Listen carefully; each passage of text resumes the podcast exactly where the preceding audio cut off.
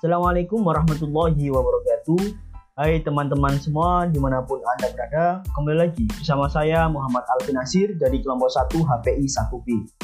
Di sini saya akan menjelaskan bab 3 epistemologi kewarganegaraan yang terdiri dari empat subbagian yang antara lain sebagai berikut. Pertama, demokrasi. Sebagai negara demokrasi, warga negara Indonesia seyogyanya mampu untuk mengemukakan pendapat dengan baik melalui saran dan kritik yang membangun negara kita agar ke depannya menjadi lebih baik.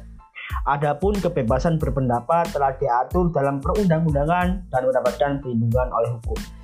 Yang kedua, rule of law. Menurut filsuf Yunani Aristoteles, rule of law atau negara hukum.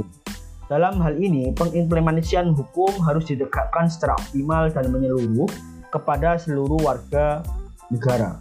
Adapun contoh aktualisasi nilai dan norma hukum dengan menaati peraturan yang ada seperti tidak mengolok-olok orang lain.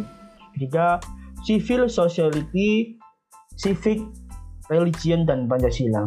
Saat ini civil society juga disebut koinonia politik dalam sistem kenegaraan. Hal ini dapat dibuktikan dengan keikutsertaan atau partisipasi akan pemilihan umum oleh warga negara.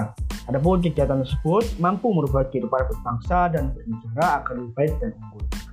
Keempat, pasar bebas dan tantangan global. Dalam buku kewarganegaraan, pasar bebas dan tantangan global adalah panggung sosial ekonomi satu-satunya yang memungkinkan sebuah keadilan dapat diwujudkan.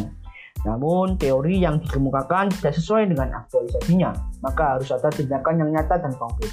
Bentuk kegiatan dapat dibuktikan dengan menyamaratakan kedudukan warga negara dalam bidang sosial ekonomi.